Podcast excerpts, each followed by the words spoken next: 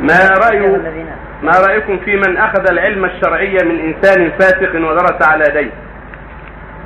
إذا أخذ العلم طالب العلم يأخذ العلم من هو عنده. إذا جاء العلم أخذه إذا جاء الحق أخذه ولو من كافر.